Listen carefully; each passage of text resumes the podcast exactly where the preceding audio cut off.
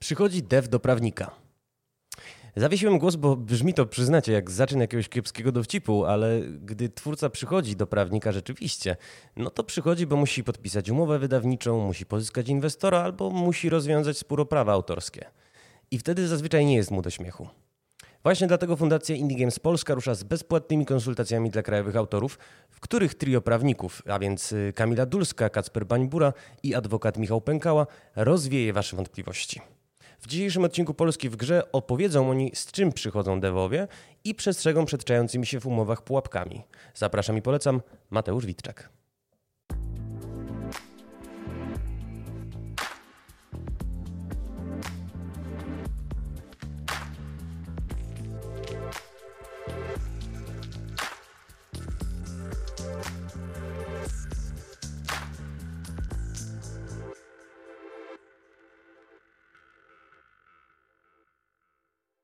Dzień dobry. Dzień dobry. Moją, naszą gościnią dzisiaj jest y, Kamila Dulska-Maksara. Witaj Kamilo. Dzień dobry, dzień dobry. Miło mi, że mogę wziąć udział w podcaście. Mnie również miło, tym bardziej, że jesteś y, no, właściwą osobą do, mm, we właściwym miejscu i we właściwym czasie. To znaczy, y, roboczo nazwałem sobie ten podcast w głowie Przychodzi dev do prawnika. I, teraz... I mówi dzień dobry pani, a ja wtedy błagam, żebyśmy mogli przejść na ty, bo się nie czuję na tyle lat, ile mam. Lat nie masz znowu tak dużo i bynajmniej nie wyglądasz. Nie, nie, absolutnie. W głowie ciągle 20, a na żywo się nie przyznaje, więc wiesz. No dobrze, no ale po tej wymianie uprzejmości, czy nawet serdeczności, e, no następuje jakiś taki moment przełomu. Deweloper przedstawia z którym przychodzi. No i co to jest za clue zazwyczaj? Bardzo różnie w zasadzie to zależy od dwóch czynników. Od wieku dewelopera, naprawdę, jakkolwiek to okropnie nie zabrzmiało, a dwa to od tego, czy oni są już zorganizowa zorganizowani w jakąś formę spółki, czy innej formy prawnej, osobowości prawnej, czy po prostu dopiero zaczynają swoją przygodę i muszą się zorganizować. I e, zazwyczaj siłą rzeczy to ja muszę jakby wyciągnąć od nich ten początek, bo inaczej bardzo często nie wiedzą, jak zacząć. E, ale też spotykam się z bardzo profesjonalnymi osobami, które mają bardzo konkretne pytania. E, no niemniej jednak tak naprawdę w zależności od tego, czy, czy sytuacja ma miejsce na przykład w ramach tego mm, doradztwa prawnego, które fundacja organizuje, czy to są moi prywatni klienci, którzy do mnie przychodzą po prostu po normalną e, poradę prawną, no to też jest ten rozstrzał pomiędzy stopniem zaawansowania problemu zawsze. Powiedziałaś jedną ciekawą rzecz i muszę cię y, tutaj zatrzymać. To znaczy, co to znaczy, że zależą ich sprawy od wieku? Bo tutaj pachnie ageizmem trochę. nie, aż tak źle chyba nie jest. E, znaczy, generalnie na tyle przynajmniej na ile się spotkałam, zazwyczaj młodsi, w szczególności studenci, oni mają do czynienia albo dopiero ze swoimi pierwszymi e, projektami, i wtedy zazwyczaj e, nie wiedzą za bardzo, z czym to wszystko się je, ale co jest też bardzo fajne, nie mają problemu, żeby się z tym przyznać i po prostu chłoną wszystko, co się do nich mówi i, i bardzo się y, starają spełnić przynajmniej jakieś tam minimum wymagań, żeby być zabezpieczonym i to jest naprawdę bardzo przyjemne w takich relacjach. Albo są już po jakichś tam pierwszych drobnych autorskich projektach i to są ich pierwsze kroki, żeby się poważnie zorganizować, albo wchodzi jakiś poważniejszy inwestor albo wydawca. I oni się chyba tutaj, pomimo tego, że już mają jakieś doświadczenie ze sobą, to chyba w tym momencie znowu się czują bardzo niedoświadczeni i bardzo niepewni. E, natomiast mając doświadczenie z innych branż w ogóle niezwiązanych, ta branża wy, wy, wyszczególnia się tym, że e, ludzie przychodzą z bardzo konkretnymi pytaniami i oni nie, to może źle zabrzmieć, ale tutaj e, ludzie doskonale widzą, że każdy się specjalizuje troszeczkę na czym innym. Więc tak jak ja nie wchodzę na przykład w zakres e, pracy grafików, programistów, bo nie mam tym zielonego pojęcia, się na tym absolutnie nie znam, tak oni nie udawają, że się znają na prawie i oni rzeczywiście przychodzą po to, żeby im ktoś coś podpowiedział i nie filozofują, nie udają, że e, wujek Google wie lepiej, e, przy czym to wcale nie oznacza, że nie przychodzą przygotowani, bo oni wcześniej się zazwyczaj oczytają w temacie na tyle, na ile mogą, i po prostu na tej podstawie pojawiają się naprawdę duże ilości pytań. Miałam kiedyś dewelopera, który miał 47 pytań na jedno spotkanie przygotowanych do tematu. Jakkolwiek to brzmi może lekko przerażająco, to dla mnie to jest super fajne, bo to oznacza, że ktoś dosyć poważnie podchodzi do tematu. Co absolutnie nie oznacza, że jeżeli ktoś wcześniej jakby się nie przygotowywał i sam się nie próbował rozwiązać w temacie, to nie znaczy, że to jest coś złego ale, ale naprawdę z bardzo fajnymi rzeczami tutaj się spotykam w związku z tym i zawsze jest to troszeczkę ciekawe, bo te dyskusje są na trochę innym poziomie. Y, zaraz do konkretów przejdziemy, ale muszę cię jeszcze o jedną rzecz dopytać. Słucham. Y, mówisz, że przychodzi do ciebie ten twórca, często taki nieopierzony, mhm. w momencie bardzo często, w którym no, chce zawrzeć umowę z wydawcą, chce zawrzeć umowę mhm. z inwestorem. No i jak powiedziałaś, jest niedoświadczony, niepewny, nie filozofuje. Natomiast zastanawiam mnie, na ile jest tutaj, jak wielka jest skala problemu, bo odgrzebałem sobie, słuchaj, wypowiedź twojego męża mhm. sprzed bodaj dwóch lat, który to na łamach mhm. CD Action stwierdził, y, cytuję, około 60% umów zawieranych jest na niekorzystnych dla dewelopera warunkach. Mówił tutaj o umowach z wydawcą. Wiesz, to trudno powiedzieć, bo wiadomo, że ja zasadniczo będę po jednej z dwóch stron zawsze. I e, o czym należy pamiętać, i każdy musi pamiętać, że prawnik reprezentuje swojego klienta, e, żeby nie było potem hejtu na drugą stronę, bo tak też czasem bywa, należy rozgraniczać życie prywatne od życia zawodowego. E, natomiast no. Mm, jest różnie, jest bardzo różnie. Spotykam się z niesamowicie niekorzystnymi umowami. I w, wcale to nie jest tak, jak się mówiło kiedyś, że e, to głównie tutaj nasz lokalny rynek, czyli powiedzmy Europy Środkowo-Wschodniej jest jakiś taki mega niekorzystny. Absolutnie nie. Zdarzają się też e, umowy z, ze Stanów, z Anglii, z Norwegii, które są niesamowicie niekorzystne. Te zapisy są naprawdę przerażające.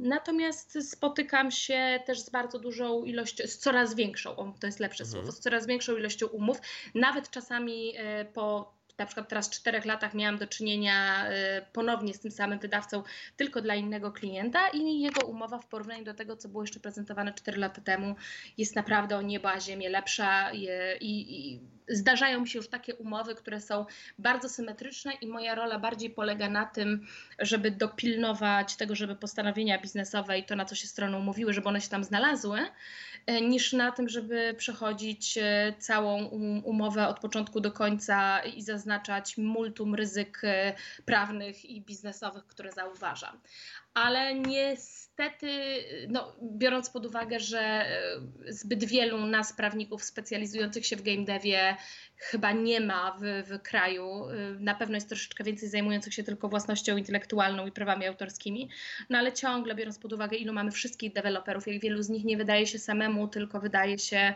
e, z wydawcami, to jest, jest taka szansa, że ciągle większa część umów może być może średnio korzystna. Nie to, że bardzo niekorzystna. Mhm. Y, y, chciałem tylko, wybacz, że się wtrącam, natomiast Oczywiście. Kamila może dopowiem naszym słuchaczom, że y, ma tę niezwykłą cechę, bardzo sympatyczną, że no, jest osobą rozgadaną, która... Przepraszam. Nie, nie, tu nie masz za co przepraszać, Kamila, bo ja naprawdę doceniam. To znaczy, z perspektywy osoby prowadzącej podcast, no jesteś takim żywym, świętym gralem. Y, bo ja tutaj cię za język specjalnie ciągnąć nie muszę, ale chciałem tutaj zainterweniować, bo y, mówimy troszkę o tym, że te umowy y, mogą być niekorzystne, mogą być mogą. symetryczne, ale jakie są takie najczęstsze pułapki, jakie ty z perspektywy praktyka czy praktyczki w tych umowach dostrzegasz? Zasadniczo podzieliłabym to na trzy kategorie. Tą najbardziej ryzykowną, czyli wtedy, kiedy interesują nas bardzo mocno kwestie finansowe, to, jest, y, to są nieograniczone koszty marketingowe, które są zwracane z pierwszego zysku e, wydawcy tuż po wydaniu gry. Chociaż na te postanowienia już od wielu, wielu lat, nie tylko ja, ale też inni prawnicy, na to bardzo zwracamy uwagę, to te, te zapisy kiedyś były bardzo powszechne, praktycznie w każdej umowie się zdarzały.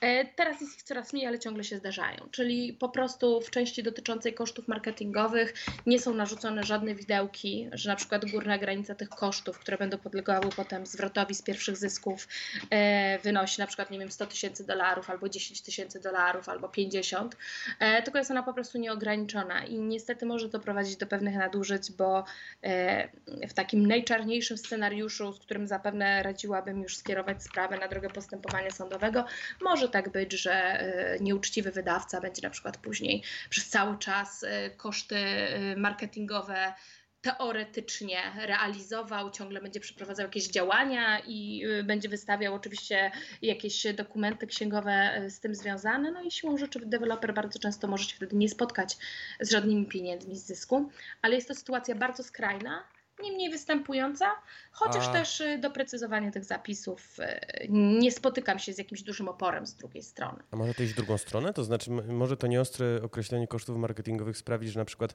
y, wydawca ograniczy się do rozesłania prasówek i do stworzenia karty katalogowej tak. na Steamie i umyte tak. ręce?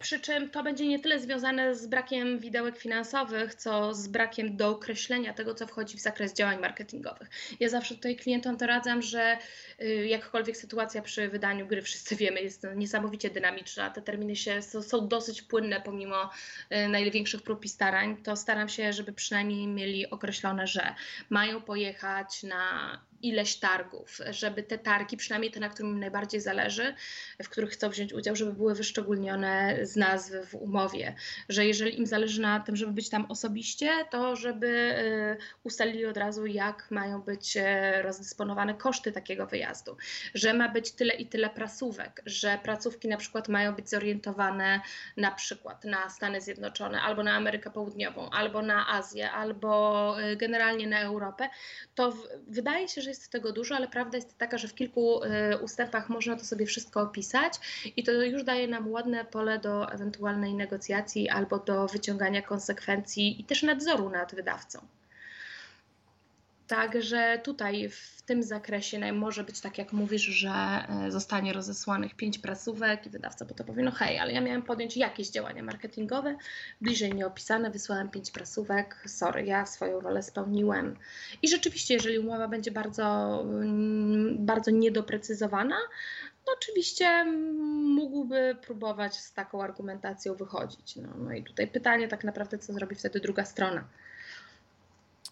Y, kontynuując trochę wątek, y, mhm. jakie okay. jeszcze fragmenty umowy mogą zostać niedoprecyzowane i czym to może skutkować dla tego y, mhm. biednego studenta dewa? E, nawet nie studenta, bo to przy ostatnio bardzo profesjonalnej firmie się spotkałam, była kwestia lokalizacji tłumaczeń. E, ponieważ e, wydawca wziął na siebie e, przygotowanie lokalizacji i iluś tłumaczeń. Generalnie było wszystko wymienione: języki, terminy wykonania, na które platformy mają być te rzeczy wykonane, ale zapomnieli deweloperzy ustalić, że z zakończeniem umowy wydawniczej całość praw autorskich do tych tłumaczeń, do lokalizacji, czy to kulturowych, czy innych, przychodzi po prostu na nich. E, I to wniesie ze sobą wbrew pozorom bardzo dużo konsekwencji, dlatego że po zakończeniu umowy wydawniczej, która one mają naprawdę różny okres trwania, od roku do 10 lat, czasem na czas nieokreślony są zawierane. E, spoko, no deweloper otrzymuje z powrotem kartę Steamową produktu, e, może z powrotem za zarządzać swoją grą, tylko de facto nie ma prawa dystrybuować tych wersji językowych gier, które zawierają tłumaczenia, bo nie są po prostu właścicielami tych tłumaczeń, ani nie mają do nich praw więc albo wrócą znowu do wydawcy z prośbą o jakieś licencjonowanie albo od sprzedaż, co wcale się nie musi odbyć po korzystnych warunkach, no albo po prostu ściągają te produkty z dystrybucji. E, I, i dlatego ja tutaj zawsze albo nakłaniam do odsprzedaży, znaczy odsprzedaży, nie do odsprzedaży, ale po prostu w ramach wykonania umowy do przeniesienia e, automatycznego tych autorskich praw majątkowych. Oj, przepraszam, to przeciąg był. Jasne, jasne. e, do przeniesienia tych autorskich praw majątkowych do tych tłumaczeń na dewelopera, albo do e, auto, udzielenia automatycznego licencji, jak tylko e, ta umowa z wydawcą się zakończy, tak żeby deweloper mógł bezproblemowo z tych lokalizacji korzystać. Więc to jest taki ostatnio y, często spotykany problem. I on się jakby łączy z jeszcze jednym. Yy, przyznam szczerze, że nie wiem, jak sytuacja wygląda obecnie. Ja miałam z tym do czynienia około półtora roku temu. Ktoś yy, chyba podczas China Joy zwrócił mi uwagę, chyba jeden z, z przedstawicieli chińskich wydawców, że de facto yy, czcionek, fontów które y, umożliwiają korzystanie ze znaków Simplified Chinese, e, czyli z tego, z którego zazwyczaj deweloperzy korzystają. Mhm. E, takich fontów, które są e, możliwe do wykorzystania przez dewelopera i do później publicznej i odpłatnej dystrybucji gry, czyli do czerpania korzyści majątkowych przy wykorzystaniu tej czcionki, jest bardzo niewiele. Na tamten okres nie chcę przekłamać, ale jeżeli dobrze kojarzę tą rozmowę, on mówi, że jest ich około 6 czy 7 funkcjonujących na całym rynku. E, I e, de facto cała reszta tych czcionek, która gdzieś tam się kupuje po prostu w internecie ze sklepu, e, ma po prostu zapis w regulaminie, że jeżeli osoba wykorzystująca tą czcionkę chce później E, produkt, w którym ją wykorzystuje, komercjalizować, czy po prostu gdziekolwiek odpłatnie udostępniać, to musi albo na wstępie zapłacić jakieś tam większe pieniądze, chociaż nie dramatycznie duże, ale większe. To jest rząd A jeżeli tego nie zrobi, to są kary umowne. I te kary umowne już nie są rozsądne, to były horrendalne kary umowne. I jeden z deweloperów, z którym miałam do czynienia, y, zorientował się jeszcze przed wydaniem, no niemniej jednak przekładali wszystko ponieważ nie dogadali się już e, z, z, z tym właścicielem e, za pośrednictwem sklepu, no i po prostu kupili nową czcionkę, no ale musieli no, cały, cały tekst przepisać od początku i zaimplementować. Przepisać? No, też przepisać, to w sensie zamienić znaki, mhm. prawda? Z tej czcionki zaproponowanej powiedzmy z Comic Sansa na Ariel, tylko w odniesieniu do tych udostępnianych e, przez, przez sklep. Teraz już podobno jest więcej. E, więc e, no. Jak jest, szczerze mówiąc, nie wiem, bo ostatnio nie miałam do czynienia z, z deweloperem, który akurat robił lokalizację na język chiński z kimś, ale to było takie dosyć, dosyć ciekawe. No więc oni to wszystko zmieniali, cały tekst, żeby po prostu im nie zarzucili, że oni wykorzystali tą czcionkę, ten, ten font na, na licencji, e, która nie, nie umożliwiała komercjalizacji produktu. No ponieważ byłoby to tak naprawdę złamanie regulaminu. No. No do, dobrze, że w porę się zorientowali, że byli z tobą e, w kontakcie. Natomiast Kamila, jeszcze przeczytałem, e, ten temat z wydawcami to jest temat rzeka, odnoszę wrażenie. O, e, jest. Jest, no i myślę, że jeszcze nasi kolejni goście też swoje trzy grosze do, do puli dodadzą. Natomiast ciekawi mnie jedna rzecz, bo ty masz, mhm. jak przeczytałem sobie to nasze ogłoszenie, ty masz w specjalizacji coś, co się nazywa Corporate Governance. Cóż mhm. to jest? Eee, o Jezus to właśnie to najlepsze jest, że to nie ma takiego idealnego przełożenia y, na język polski. Y, moja, generalnie moja specjalizacja jeszcze z czasów studiów i cała jakby praca magisterska później pytana jest sprawa y, pisana, jest sprawa handlowego. Jak generalnie później przez pierwszych parę lat mojej przygody zawodowej zajmowałam się tym właśnie corporate governance, czyli tak jakby zarządzaniem od strony prawnej, pracą zarządów, rad nadzorczych, E, w, głównie w spółkach kapitałowych albo notowanych e, na giełdzie, albo, albo nawet prywatnych. Mm, więc generalnie corporate governance to jest takie jakby zarządzanie od strony prawnej e, spółką, przy czym na wspieranie zarządu, wspieranie rad nadzorczych, też w zakresie jakichś regulacji wewnętrznych i tego typu rzeczy. Dlatego duża część deweloperów do mnie się zgłasza jakby z samym utworzeniem spółki, e, przygotowaniem wszystkich regulacji, e, tym w jaki sposób ona ma funkcjonować, czy ma być rada nadzorcza, czy nie, czy ma być zarząd, czy ma być komisja rewizyjna, jakim regulacjom to podbiega, e, to podlega. To głównie, jeżeli wiedzą, że będzie wchodził inwestor prędzej czy później i są już tego w zasadzie pewni, to wtedy zazwyczaj już od początku starają się zorganizować spółkę tak, żeby później przy przystąpieniu inwestora do spółki nie trzeba było zbyt wielu zmian wprowadzać. Innymi słowy, pomagasz, pomagasz stworzyć taki kościec y, dla spółki. Tak, tak, dokładnie, dokładnie tak. I generalnie wszystkie jakieś tam kwestie prawne na poziomie zarządu lub rad nadzorczych, które się pojawią, e, to są te rzeczy, którymi, e, którymi ja się tam też zajmuję, w których pomagam. E, a powiedz mi, Wiesz co, bo ja mam y, trochę takie dziwne może spojrzenie, nie, nie siedzę w środku siłą rzeczy. Pewnie.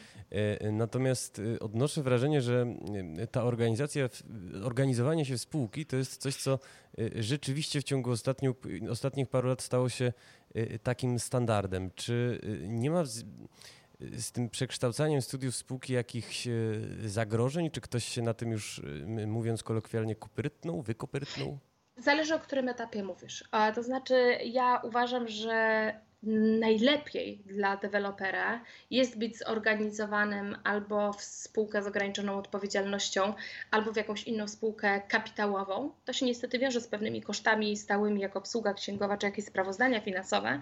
Natomiast to pozwala najlepiej gospodarować prawami autorskimi. Bo największym problemem z mojej perspektywy jest to, jeżeli trzech e, znajomych tworzy grę, e, oni nie są zorganizowani w formie jakiejkolwiek spółki, czy jakiejkolwiek w ogóle formy prawnej, Mm, I de facto, de facto zarządzanie tymi prawami autorskimi jest uzależnione od tego, co ktoś zrobił, w jakim zakresie i no, może tutaj powstawać bałagan, a jeżeli oni by chcieli tę grę wydać, no to de facto muszą się potem albo podpisać jako indywidualne osoby y, z jednym wydawcą, ale nie, nie ukrywajmy, że dla wydawcy czy dla inwestora nawet najlepiej jest, jeżeli on wie, że całość praw autorskich jest w spółce i że on podpisując się ze spółką y, nie podejmuje takiego ryzyka, że nagle jeden z twórców założy ręce, powie nie ja się nie zgadzam, albo ja e, odstępuję od umowy, nie mam zamiaru dłużej tego realizować. E, on, jakby mówiąc brzydko, zabiera ze sobą część praw e, i obowiązków, które tam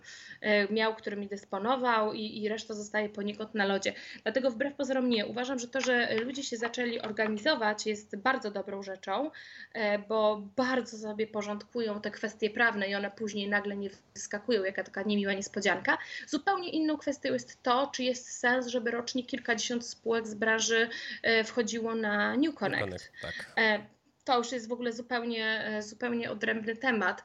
E, jest to na pewno jakaś forma e, w teorii łatwego pozyskania kapitału, bo w praktyce to wcale nie jest takie łatwe, jakby się wydawało. Ja się zastanawiam, wybacz, wejdę w słowo, ale mów, zastanawiam mów. się po prostu nad jedną rzeczą. Czy nie jest trochę tak, że to jest, y, owszem, forma pozyskania kapitału, tylko y, to jest trochę sprzedawanie obietnic, a nie gier. To znaczy ten cały model preprodukcyjny forsowany przez Playwaya i jego spółki zależne skutkuje trochę tym, że ja w newsroomie dostaję kręćka, bo y, widzę na przykład jakąś spółkę, która istnieje już od trzech lat, zapowiedziała 8 gier, nie wydała żadnej. E, i w zasadzie wiesz, wishlista sama w sobie, bo od wishlist uzależnia rozpoczęcie produkcji, to jest też trochę narzędzie wadliwe, bo ludzie często nie wiedzą, czego chcą. I to jest wiesz, poleganie na jakimś takim ich y, odruchu, ale tego, tego zasobu, który mamy z perspektywy osób, czy tam deweloper ma, z perspektywy osób trzecich nie widać. Nie widać, czy dopisały się osoby, nie wiem, w wieku produkcyjnym, starsze, młodsze z USA, gdzie jest, y, nie wiem, y, in, inaczej, inna jest siła nabywcza niż, nie wiem, w Chinach chociażby. Y, po prostu jest to jakiś szalenie nieprecyzyjny instrument, który zaczyna nam trochę meblować rynek, na którym odnoszę wrażenie. Bardziej się, mówię, opłaca gry zapowiadać niż tworzyć. No, Wiesz, tutaj, o Jezus, te kwestia giełdowa to chyba jest jeszcze kwestia bardziej obszerna niż wydawcy i, i niż, niż to, co się, co, co, się może z nimi dziać, bo no, Giełda, giełda jest z jednej strony kontrolowana, czy mówimy o dużym parkiecie, czy mówimy o New Connectie, mamy Komisję Nadzoru Finansowego, mamy szereg regulacji, które wbrew pozorom łatwe nie są i których należy spełniać, spełniać zadość, no ale z drugiej strony mamy też osoby, które na tej, już będę używać sformułowania giełdzie, grają. I e, ja bym się raczej tutaj zastanowiła, czy to jest bardziej kwestia e, zmiany modelu tych spółek, czy może jest to kwestia bardziej um, uświadomienia osób, które na tej giełdzie grają, jak to wygląda, e, ponieważ e, wiadomo, że lepsze decyzje, w teorii lepsze, podejmują osoby, które na temacie, w który inwestują, się znają. A nie, nie jest powiedziane, że wszystkie osoby, które e, zajmują się obrotem akcjami spółek growych na tym czy innym parkiecie, czy się na tym znają. Część z nich ma te akcje dlatego, bo ktoś im doradził, część ma je nawet w ramach jakichś tam funduszy inwestycyjnych i tego typu rzeczy. No więc model współpracy jak model współpracy. No, każdy sobie jakiś wyrobił. E, firma, o której mówisz, ma taki, a nie inny. E, pytanie, czy on zostanie kiedyś zrewidowany przez, przez akcjonariuszy, czy nie. No, natomiast na pewno, i to należy też zauważyć, że, że firma ta daje możliwość wystartowania de deweloperom, którzy w normalnych okolicznościach bez ich udziału w życiu by nie mieli możliwości startu. Pełna zgoda. No a potem właśnie pozostaje tylko to pytanie, czy trzeba iść z tym na giełdę. Oni mają taki model biznesowy i go realizują. E, e, jeżeli akcjonariusze w którymś momencie postanowią zrewidować e, swoje poglądy na, na temat tego, co, co prezentują, co obiecują, co jest dowożone, to pewnie to nastąpi. Jeżeli stwierdzą, że nie, że im się to dalej podoba, to to dalej się będzie w ten sposób obracało. To jest tak, jak ty mówisz, że z jednej strony ludzie nie do końca wiedzą, czego sami chcą, ale mm, nie można wychodzić z tego założenia, no bo tym sposobem trzeba by e, jakiś wyznacznik e, dać, kiedy za kogoś możemy podejmować decyzje. No a mamy wolną gospodarkę, wolny kraj, wolny rynek i, e, i jednak no, musimy pozwalać ludziom popełniać błędy, uczyć się na nich albo pozwalać im też uczyć się, jak inwestować, bo, bo może im się akurat uda na, na, tym, co, na tym, co nabyli. Dobry bardzo postulat na koniec. Kamila, myśmy się jak zwykle rozgadali, jak zwykle żeśmy skręcili um, i trochę zboczyliśmy z tej naszej głównej ścieżki, natomiast e, gdybyście, e, drodzy słuchacze, potrzebowali konsultantki, prawniczki, no to oczywiście zapraszamy na konsultację. Zapraszam. Chyba 4 sierpnia startujesz z, z, pierwszym, z pierwszą turą, prawda? E, tak, tak. Od, od wtorku terminy są u mnie chyba wtorki i czwa, wtorki teraz, tak mi się wydaje, tak, wtorki są w godzinach porannych, natomiast tam można się zgłosić, zawsze się dogadamy co do pory, bo sobie zdaję sprawę, że nie każdy o pogańskiej porze, siódmej rano wstanie, więc w takim razie mamy dyspozycyjną prawniczkę, która się specjalizuje w prawie handlowym. Pomoże Wam e, dobrać właściwą formę organizacji studia. E, no i w zakresie bieżącego doradztwa organom zarządzającym i nadzorującym spółkę Też. również może doradzić. Moim i Państwa gościem, a właściwie gościnią była Kamila Dulska-Maksara. Dzięki Kamila piękne. Dzięki serdeczne, do usłyszenia. Oklaski i do usłyszenia.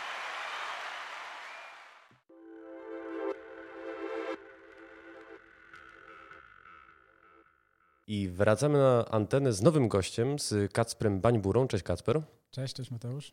E, Kacper, e, przychodzi dev do prawnika. Z czym przychodzi ten dev?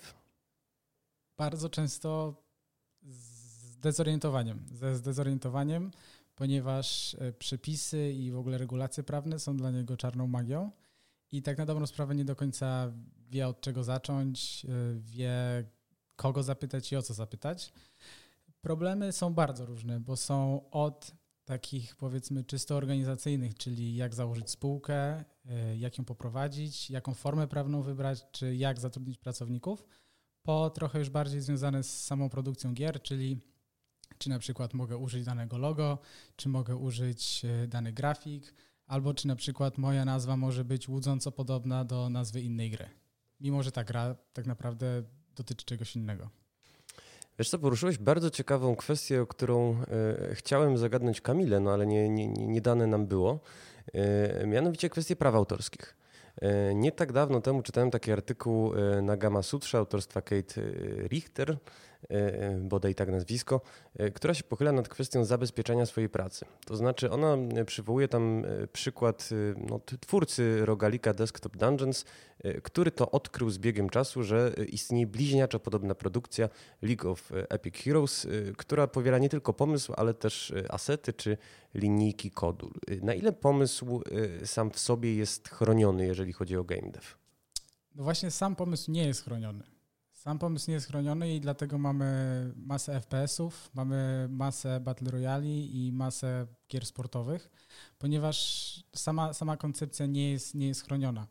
E, ta koncepcja, żeby, żeby taki pomysł był, był, był chroniony, on musi być, można powiedzieć tak, w codziennym języku musi być sprecyzowany, musi mieć charakter twórczy, to znaczy musi mieć cechy osobiste, e, które są mu nadane przez autora, czyli musi, musi się mocno wyróżniać e, od innych podobnych utworów, ale jednocześnie mm, jednocześnie no musi mieć swój powiedzmy indywidualny charakter. No dobra, mieliśmy parę lat temu przykład, wciąż jest ta gra e, Player Unknown's e, Battlegrounds, której twórca Brendan Player Unknown Green no wpisał nawet wpisał nawet swój pseudonim w tytuł.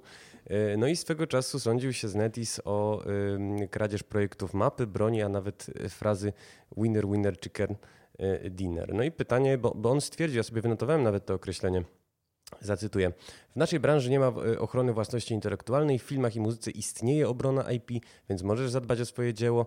Niektóre niesamowite gry nie zyskują należytej e, popularności, a potem ktoś bierze ich pomysł, ma pewien budżet marketingowy i nagle otrzymuje popularny tytuł powstały oparciu na zrżniętym pomyśle. No, nie da się ukryć, że PUBG e, no, jest jakąś wizytówką Battle Royale. Możemy się spierać, czy jest Y, pierwsze. Natomiast y, no dlaczego w zasadzie ta formuła nie jest chroniona, skoro jest na tyle silnie autorska, że nawet autor wpisał swój pseudonim w tytuł? Tak, ale to spójrz na przykład na samochody. Mhm. Ile mark, marek, y, ile marek samochodów ma nazwy od swoich twórców, od założycieli? A jednak samochód jako koncepcja, tak? Albo bądźmy nawet bardziej, e, bardziej dokładni, czyli nie wiem, samochód wyścigowy, samochód typu SUV.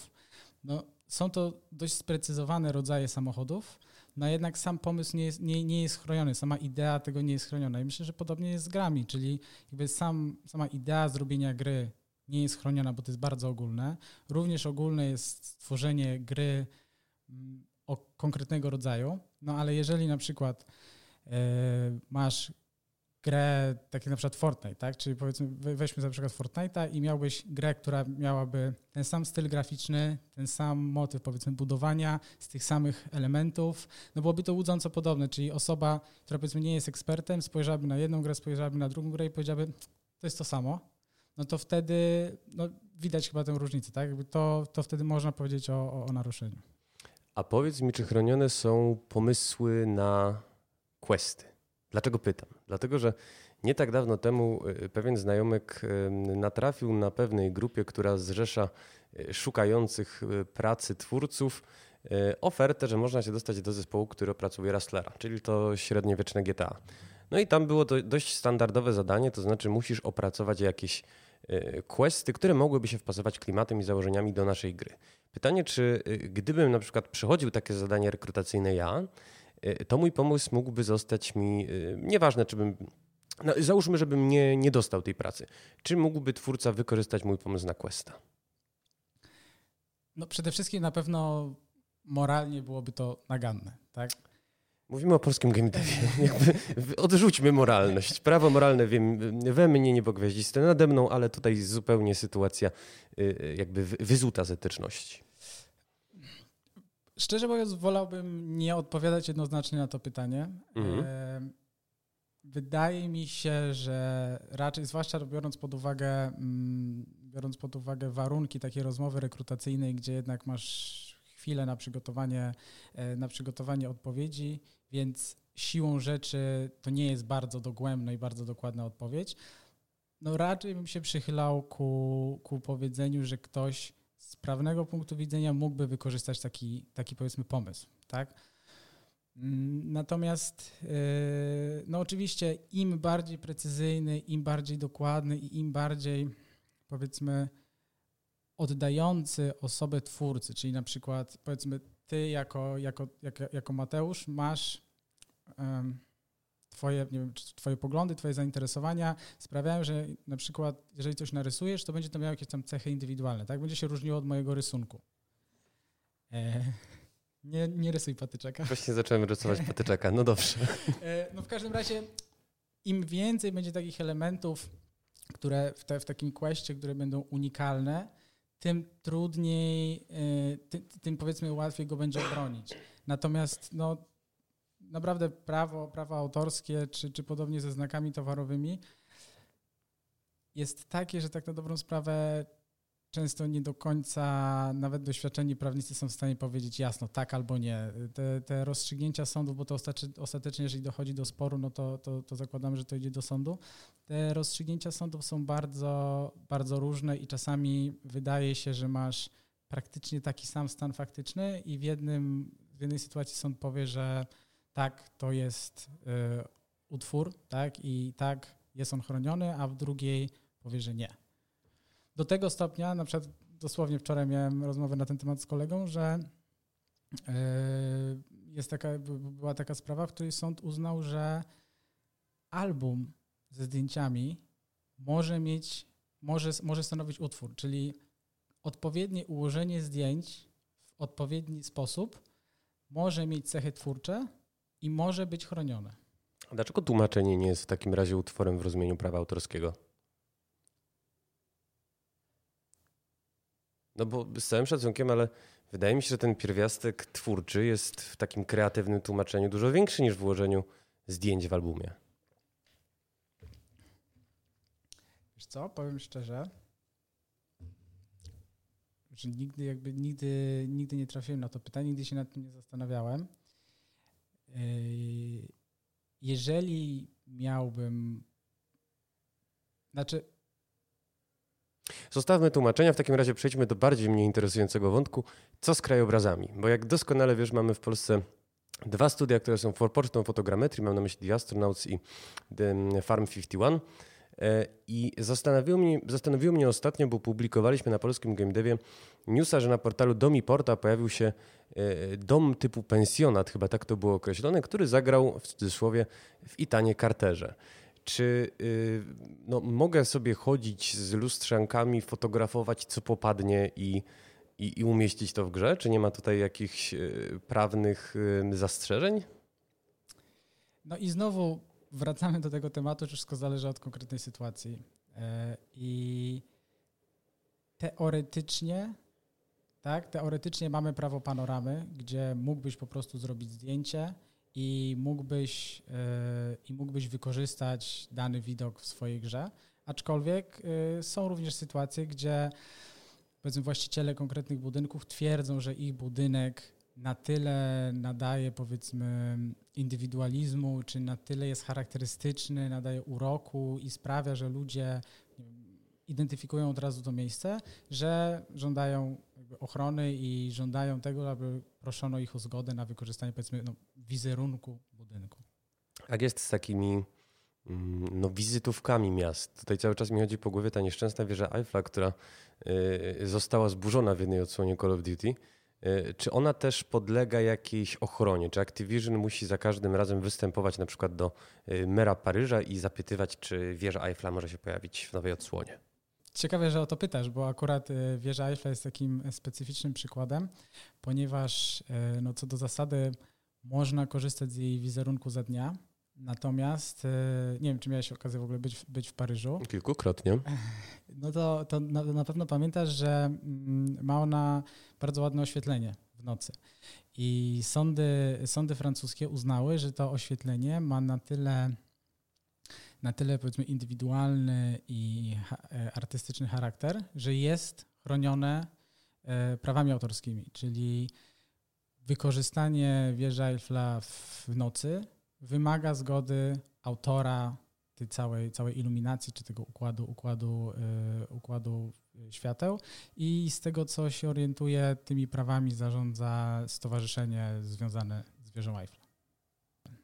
Dobra, no to wróćmy do meritum, bo ja cię tak, y, Kacper, trochę zabieram w jakieś coraz bardziej niebezpieczne tak. rewiry. Y, natomiast no twórcy. Twórcy będą do ciebie przychodzić przez najbliższe, jeżeli się nie mylę, cztery tygodnie? Tak, tak. Y, I powiedz mi, z czym powinni się do ciebie zgłaszać? Do mnie konkretnie mm, najlepiej to jest głównie związane z, z moim doświadczeniem i z tym, co robię na co dzień. E, największe, największe doświadczenie i też największą wiedzę, najbardziej mógłbym pomóc e, w, w, we wszelkiego rodzaju umowach. Mhm. Umowach z wydawcami, umowach licencyjnych e, czy umowach z podwykonawcami.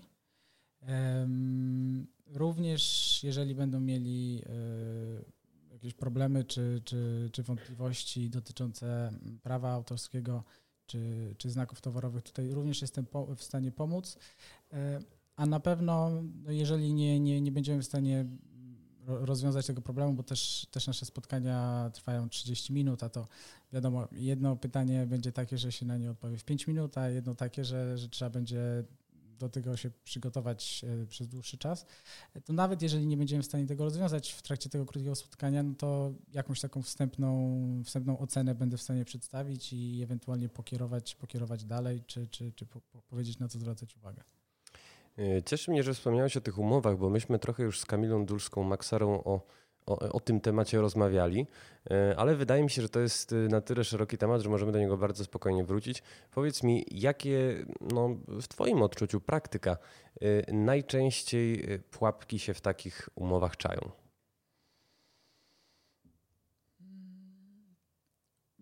Wiele jest takich.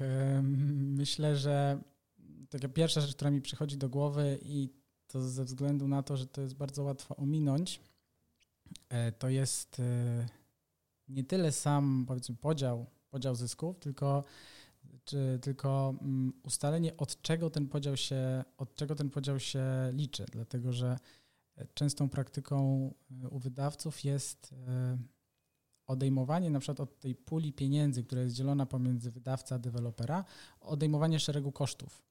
i te koszty, powiedzmy standardowo, no to są wiadomo, podatki, e, opłaty licencyjne platform, bo tak naprawdę jak wydawca sprzedaje grę, to, to platformy potrącają podatki, potrącają swoją opłatę i, i przesyłają resztę pieniędzy. Natomiast no, wydawcy często często y, od tych kwot jeszcze odejmują, znaczy oczywiście wpisują to w umowę, ale, ale wpisują takie uprawnienie swoje, przypisują sobie uprawnienie do odjęcia na przykład kosztów marketingowych i często potem te koszty nie są w żaden sposób sprecyzowane, tak? bo, bo, bo no, mówią, że mogą odjąć, ale tak na dobrą sprawę nie wiadomo ile wydadzą, a im więcej wydadzą, to wiadomo, potencjalnie gra się lepiej sprzeda, ale źle wydane pieniądze no, będą obciążeniem E, które będę musiał, musiał ponosić też, które będzie musiał ponosić też deweloper. No to są koszty marketingowe, lokalizacyjne, e, koszty na przykład portingowe i prowadzi to do tego, że deweloper dostaje, e, dostaje od wydawcy, dostaje od platformy na przykład 100 i zamiast na przykład wtedy dokonać podziału, czyli powiedzmy sobie zostawić nie wiem, 30, a 70 dać, dać deweloperowi i ze swoich 30 ponieść te koszty, to deweloper od tych 100 odejmie na przykład nie wiem, 5 za marketing, 3 za porting i 5 za coś jeszcze. I wtedy podzieli. resztę się mhm. dzieli, co w efekcie sprawia, że deweloper ponosi również te koszty. I oczywiście to nie jest tak, że jeżeli zobaczymy takie postanowienie, to straszna umowa, nie można jej podpisywać, no bo to wszystko zależy od tego, jak się umówimy, tak? E, bo może być na przykład tak, że deweloper daje dużo pieniędzy na development, tak, y, i, i powiedzmy no, finansuje całe funkcjonowanie studia przez dwa lata, no to wtedy to będzie bardziej zrozumiałe, że sobie chce odliczyć takie koszty, zwłaszcza jeżeli na przykład doda powiedzmy limit marketingowy, nie wiem, 50 tysięcy złotych, a wszystko powyżej musi być zatwierdzone przez, przez dewelopera. Tak? No trudno jest, tutaj, trudno jest tutaj oceniać y, same poszczególne klauzule, no trzeba patrzeć na umowę jako całość, y, bo, bo czasami jakieś niekorzystne rozwiązania mogą być rekompensowane przez, przez inne. E, innymi słowy, e, powinniśmy dążyć w tych umowach do precyzji maksymalnej. Tak i nie. Tak i nie. Dlaczego nie? Tak i nie.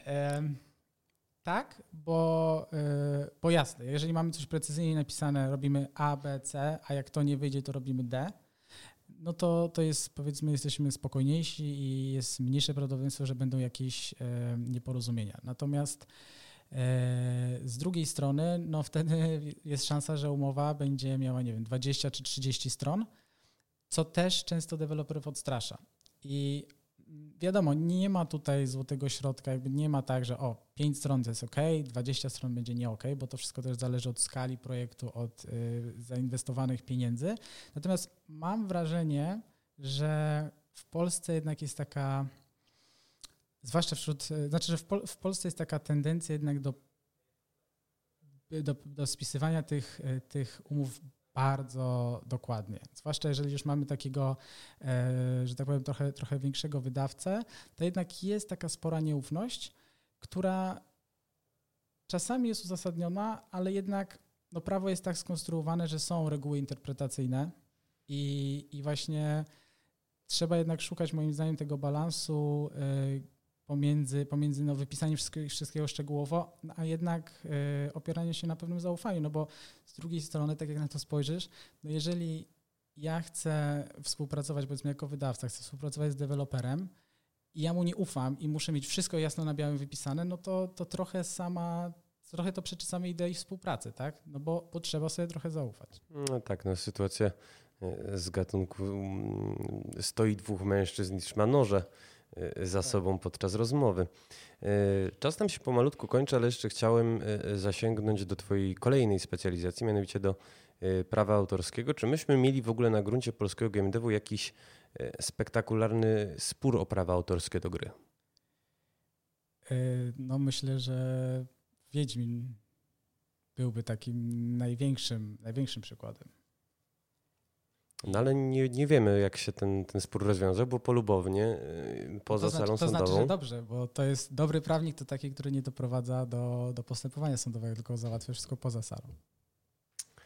No ale nie da się ukryć, że się to wtedy przełożyło na spadek kursu CD Projektu, więc, więc oczywiście nikomu takiego sporu też y, nie życzymy. Ale o co się, y, może zejdźmy trochę na ziemię, o mhm. co najczęściej wybuchają spory i jak się kończą?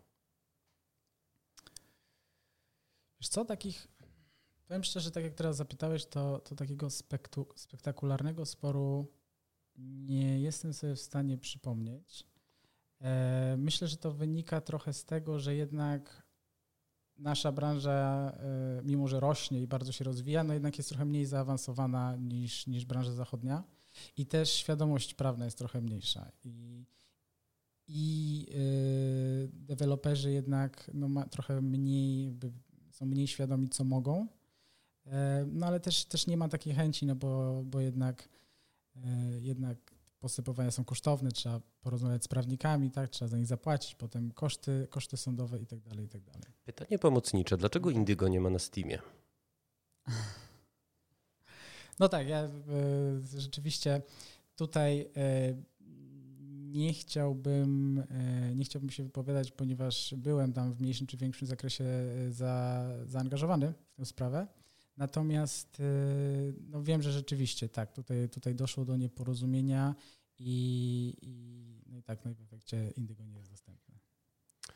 Mówisz już głosikiem trochę cichym, proponuję się przesunąć, natomiast no cóż, Indygo nie jest dostępne. Spróbuję w takim razie o to dopytać trochę mojego trzeciego gościa. Ty zasygnalizowałeś, e, zasygnalizowałeś problem. Bardzo Ci dziękuję. No i oczywiście e, zapraszamy naszych słuchaczy na konsultację e, z Kacprem Bańburą, które się odbędą kiedy? Przez cały sierpień w poniedziałki godzina 17-19. 17-19. Kacper zaprasza. Dzięki Ci śliczne. Dziękuję bardzo. I do usłyszenia. Brawa na koniec.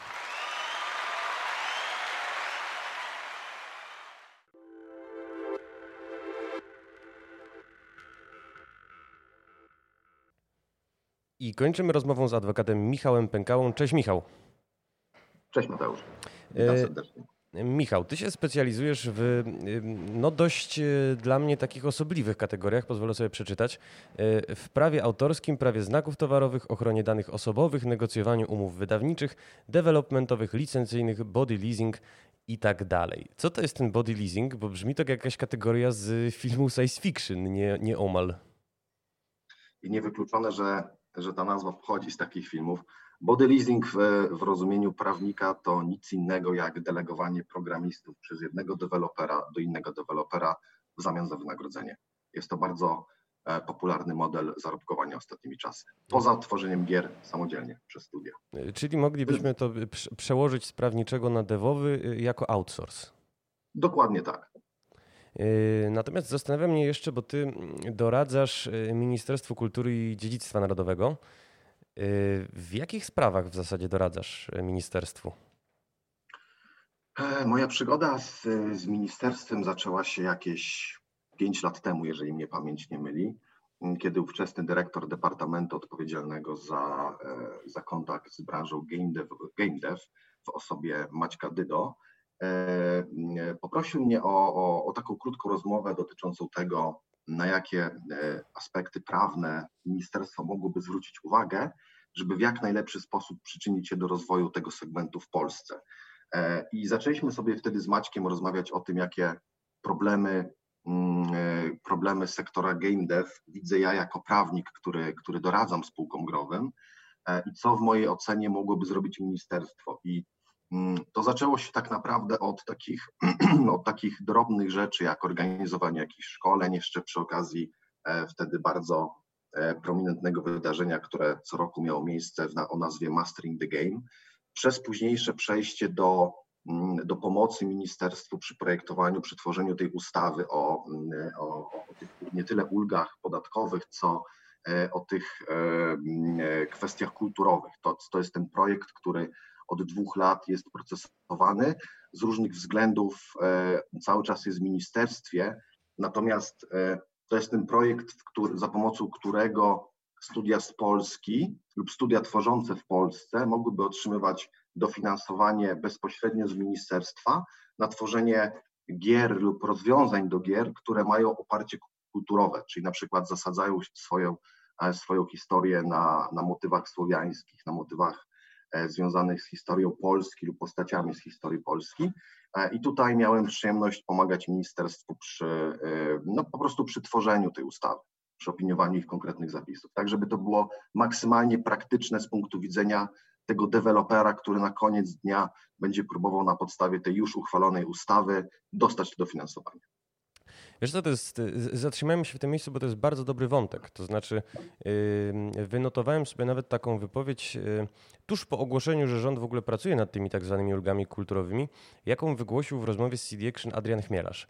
Yy, uważam, że to, chodzi mu o zapowiedź ulg, strata czasu i pieniędzy oraz mocna niesprawiedliwość. Ktoś zrobi świetną grę o piekle i pomocy nie dostanie, a ktoś inny walnie badziewną gierkę, no ale pomoc uzyska, bo dzieje się ona w Paśurkowicach. Czy rzeczywiście tak ma być?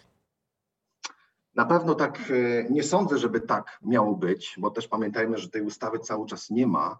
Natomiast przy założeniach tej ustawy ja trochę próbuję zrozumieć tutaj Adriana z tego względu, że nie każdy deweloper w Polsce e, będzie chciał tworzyć grę opartą na motywach słowiańskich lub na, na motywach związanych z historią Polski.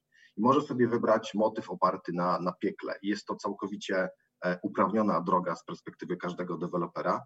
Natomiast stawiając się w roli podmiotu, jakim jest ministerstwo, które reprezentuje państwo jako całe, mm, z różnych powodów, powodów, e, e, powodów społecznych, powodów kulturowych, pewnie trudniej byłoby uzasadnić wsparcie finansowe dla podmiotów, które tworzą gry związane z motywami piekła, jeszcze w sytuacji, w której na przykład główny bohater wcielałby się w jakąś piekielną postać, prawda, a nie walczyłby z tym piekłem, tylko dużo łatwiej jest Ministerstwu Kultury, którego głównym zadaniem jest propagowanie i utrzymywanie kultury polskiej, e, jest przepracowanie takich ustaw i takich rozwiązań, które wspierałyby te podmioty, które właśnie chciałyby tworzyć gry związane z tą kulturą.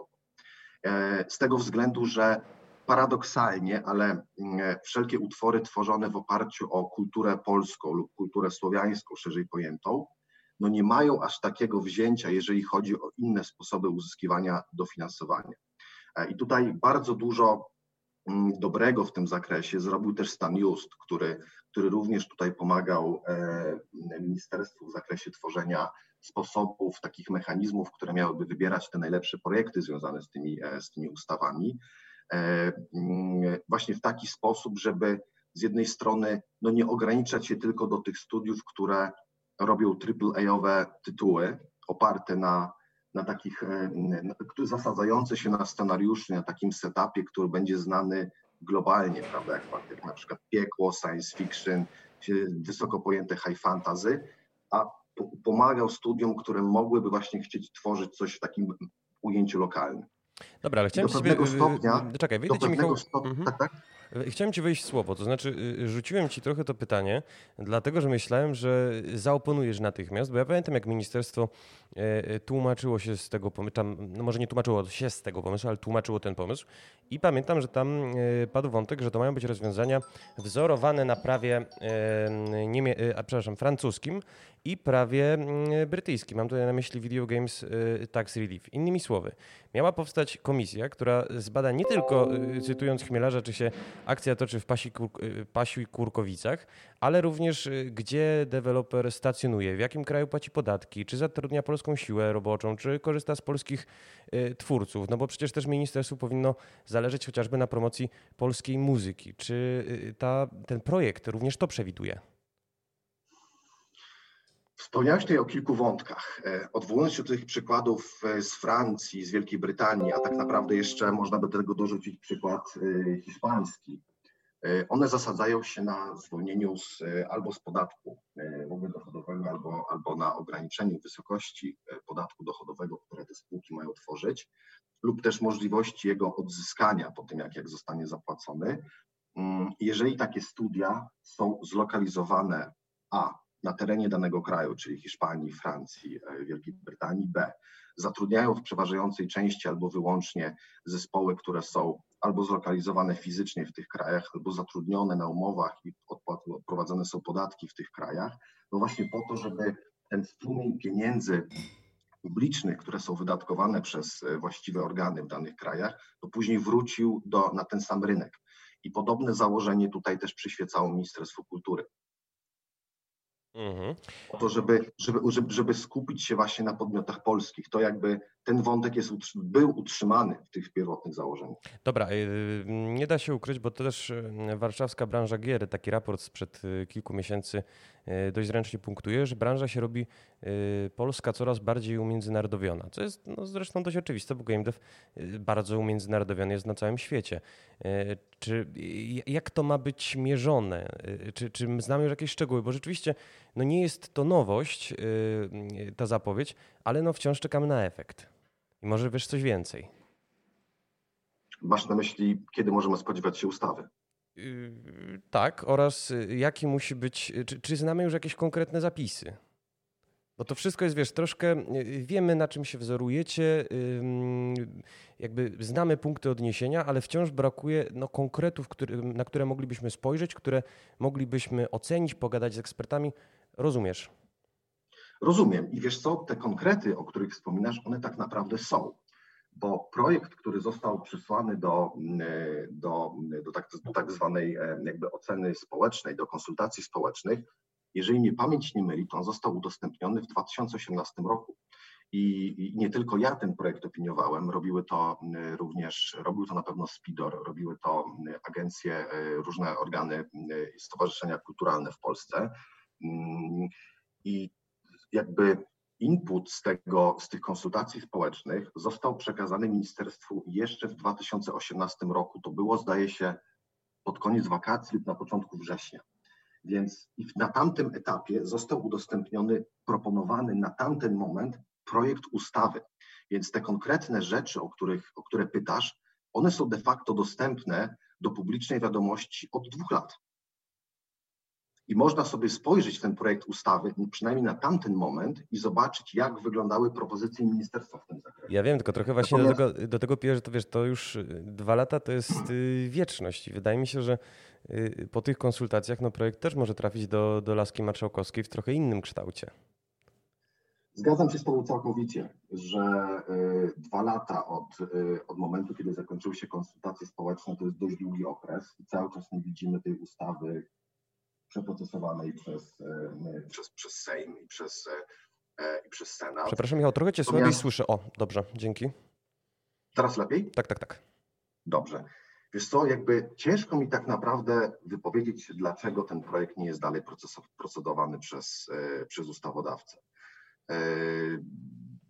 Zakładam, że tutaj czynniki są niezwiązane do końca z kwestiami samymi prawnymi, tylko około prawnymi, prawda? Więc może są jakieś inne sytuacje związane z, dotyczące tego, że z jakichś powodów ten, e, no ten projekt po prostu, mówiąc delikatnie, gdzieś utknął. Natomiast jakie są powody tego, ja niestety nie wiem. Dobra, to możesz mi Mogę coś... tylko trzymać kciuki, mhm. żeby, żeby jak najszybciej został przywrócony. To lekko zmieniając wątek na bardziej aktualny. Y, we wrześniu ubiegłego roku, na, jeżeli się nie mylę, dwa miesiące przed y, wyborami parlamentarnymi, y, w programie partii rządzącej pojawiło się coś, co się miało nazywać Centrum Gier Wideo. I myśmy się, pamiętam, wszyscy kolektywnie zastanawiali, czy to jest nie wiem, jakiś ekwiwalent filmoteki narodowej. Wiesz, czy, to, czy to ma być instytucja, która na przykład, nie wiem, archiwizuje treści związane z grami wideo, czy w zasadzie co to ma być. Natomiast nie wiemy, no bo znalazł się jedynie taki zapis w programie, jeszcze w bardzo newralgicznym momencie, a jak wiemy, w takich newralgicznych momentach jak wybory, no, no, no, lubi Zjednoczona Prawnica po prostu puszczać oko do graczy, że tylko y, wspomnę w kolejnych wyborach zdecydowany sprzeciw premiera względem tak zwanego Akta 2, czy podczas tych wyborów y, dopisanie This War of Mine do listy lektur nadobowiązkowych. Ale być może wiesz, jako osoba, która współpracuje z Ministerstwem Kultury i Dziedzictwa Narodowego, czy coś w temacie Centrum Gier Wideo się zadziało lub zadzieje? Absolutnie nie, absolutnie nie. Mm, moja współpraca z ministerstwem nie jest na tyle sformalizowana i nigdy nie była, e, żebym e, zasiadał w jakichkolwiek działach, czy to decyzyjnych, czy, czy takich, które mm, otrzymują informacje z pierwszej ręki. Natomiast jest mi, jest mi znany wątek, o którym wspomniałeś, dotyczący tej zajawki, dotyczącej tej, tej, tej, tej, tej instytucji, która miałaby powstać. Natomiast przyznam Ci, e, Mateuszu, że wiem w tej sprawie tyle samo, co Ty. Tylko tyle, że coś takiego zostało obiecane. I że ma się przyczynić, cytuję, przyczynić do mm, umacniania pozytywnego wizerunku polskiej branży gier wideo y, jako prężnie rozwijającej się gałęzi gospodarki i kultury. Y, ja myślę w ogóle, że, że nasza polska branża gier wideo robi bardzo dużo sama. doskonale samodzielnie umacnia swój wizerunek na świecie.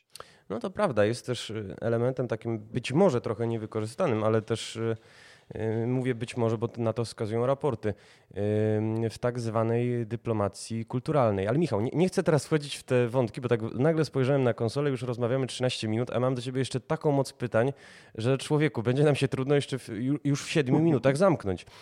Chciałem się ciebie zapytać, bo ty się specjalizujesz w znów cytat, wykorzystaniu innych utworów, na przykład postaci z filmów w grach.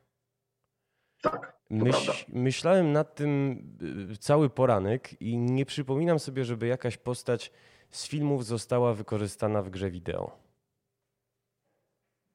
Z filmów. Tak. E, myślę, że mm, takich przykładów jest wiele. Szukam teraz w pamięci. Takiego... Znaczy, y, inaczej, czym innym jest, y, bo potrafię sobie wyobrazić adaptację. Mieliśmy, nie wiem, y, kroniki Riddicka, które były no, z, z czasów mojej młodości chmurnej i durnej fajnym przykładem rozszerzenia filmowego uniwersum, no ale domyślam się, że tutaj sprawa jest prosta. Zostaje udzielona umowa licencyjna, no i studio robi grę na podstawie filmu, czy tam uzupełniającą film.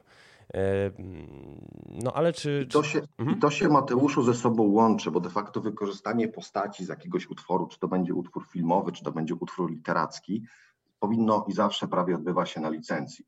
Natomiast y, przełożenie całej, y, całej trylogii Riddicka na, na grę komputerową to jest pewnego rodzaju adaptacja. Z tego co pamiętam, gra wiernie nie odwzorowuje przebiegu poszczególnych filmów, natomiast wykorzystuje uniwersum, postacie i, i fabułę E, i wiele, wiele elementów. Natomiast wykorzystanie samych postaci, jakby odwołując się do Twojego bezpośredniego pytania, jest o tyle popularny coraz częściej, że pojawiają się na przykład proste gry, proste gry 2D, proste, proste platformówki, w których e, rozgrywka oparta jest na bardziej zaawansowanej rozgrywce, rozgrywce z, z Mario, Tyle tylko, że w takich grach pojawiają się dostępne do wyboru postacie lub do wykupienia postaci, które przypominają postacie z książek, z filmów, na przykład, e, na przykład Harry Potter. E, albo był w platformówce Donald Trump, bohater filmu Kevin Sam w Nowym Jorku. Dokładnie. Dokładnie, to jest doskonały, doskonały przykład. Amerykanie tutaj wiodą prym w tworzeniu prostych gier, szczególnie które pojawiają się, nawet przeglądarkowych, które pojawiają się na chwilę przed wyborami w Stanach. E, i które to gry, mówmy sobie, powiedzmy sobie, są dość satyryczne, jeżeli chodzi o przedstawienie konkretnego kandydata. E, tam jest troszeczkę inna sytuacja niż w Polsce, dlatego że to prawo do parodii, wykorzystania czyjegoś wizerunku na potrzeby mm, posługiwania się tym tak zwanym gatunkiem twórczości, który, którym jest parodia w Stanach Zjednoczonych, to jest troszeczkę szerszy wyłom niż w prawie polskim, natomiast to jest to doskonały przykład, Mateusz, tak jak wspomniałeś. Y, to znaczy, y, czym się różni prawo amerykańskie od prawa polskiego pod tym względem? Pytam trochę w duchu no, minionej już kampanii prezydenckiej, podczas której, przypomnę, pojawiła się y, w cudzysłowie platformówka z Rafałem Trzaskowskim. To prawda. Nie miałem okazji zagrać, nie miałem okazji widzieć, ale słyszałem o tej platformówce. I teraz tutaj spotykamy, mm, spotykają się dwa wątki. Jednym wątkiem jest ujęcie prawne, a drugim wątkiem jest ujęcie polityczne, bo tak to trzeba nazywać. W ujęciu prawnym wykorzystanie cudzegoś wizerunku w Polsce co do zasady wymaga zgody. E, jeżeli ta postać, której wizerunek jest wykorzystany, nie otrzymała wynagrodzenia albo jakiegoś ekwiwalentu wynagrodzenia, lub wręcz nie wyraziła zgody na to, żeby wykorzystać jej wizerunek, no to na ogół co do zasady nie można tego robić.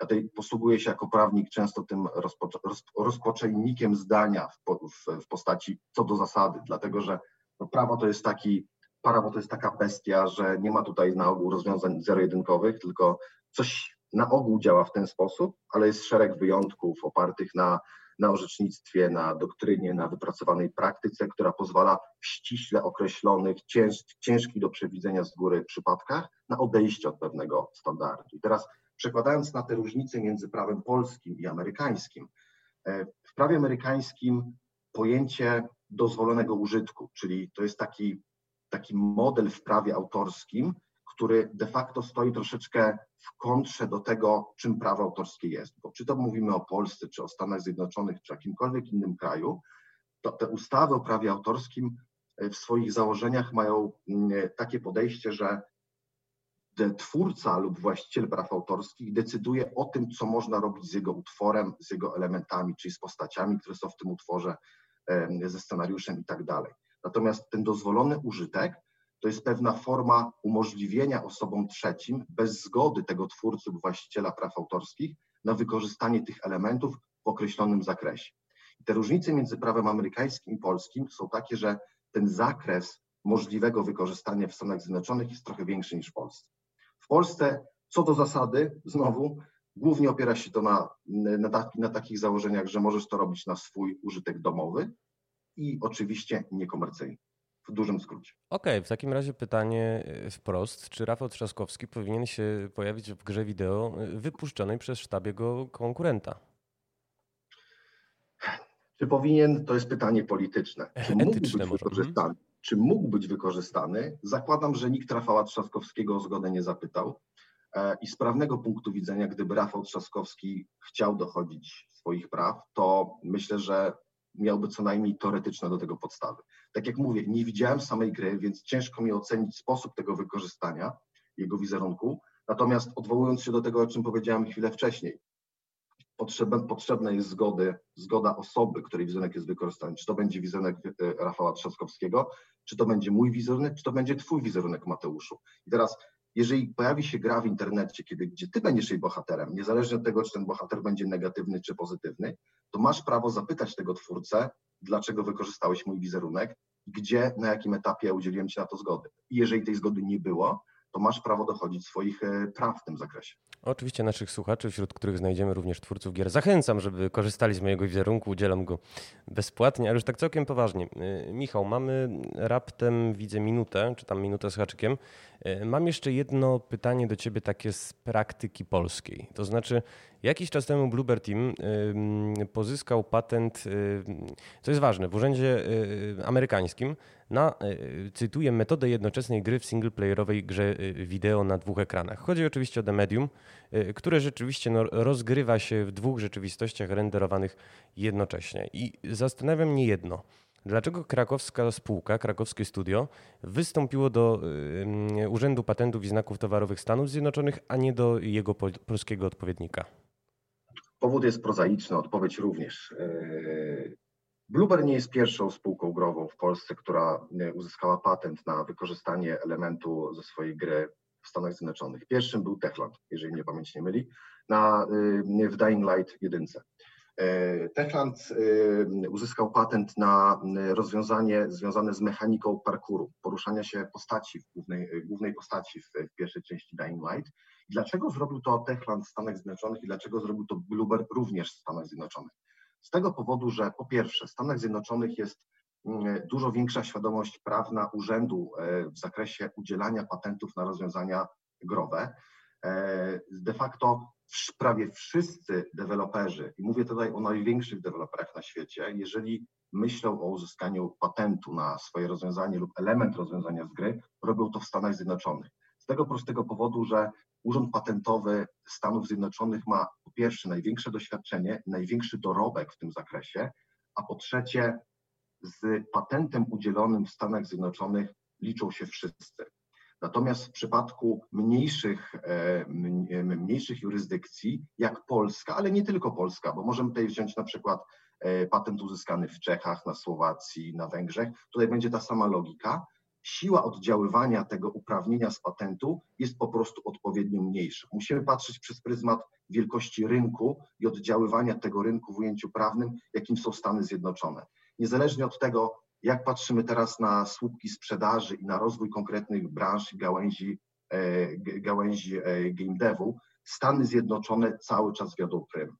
Do Stanów Zjednoczonych można by jeszcze dorzucić Japonię, która jeżeli chodzi o patenty również tutaj rośnie w siłę. Natomiast cały czas Stany Zjednoczone to są zawsze tym pierwszym wyborem, jeżeli chodzi o uzyskiwanie patentu.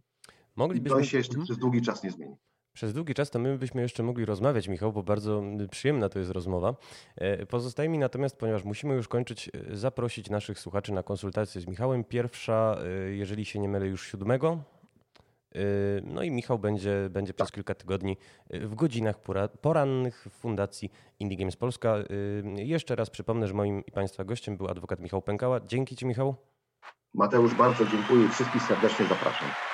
Do zobaczenia. Trzymaj się.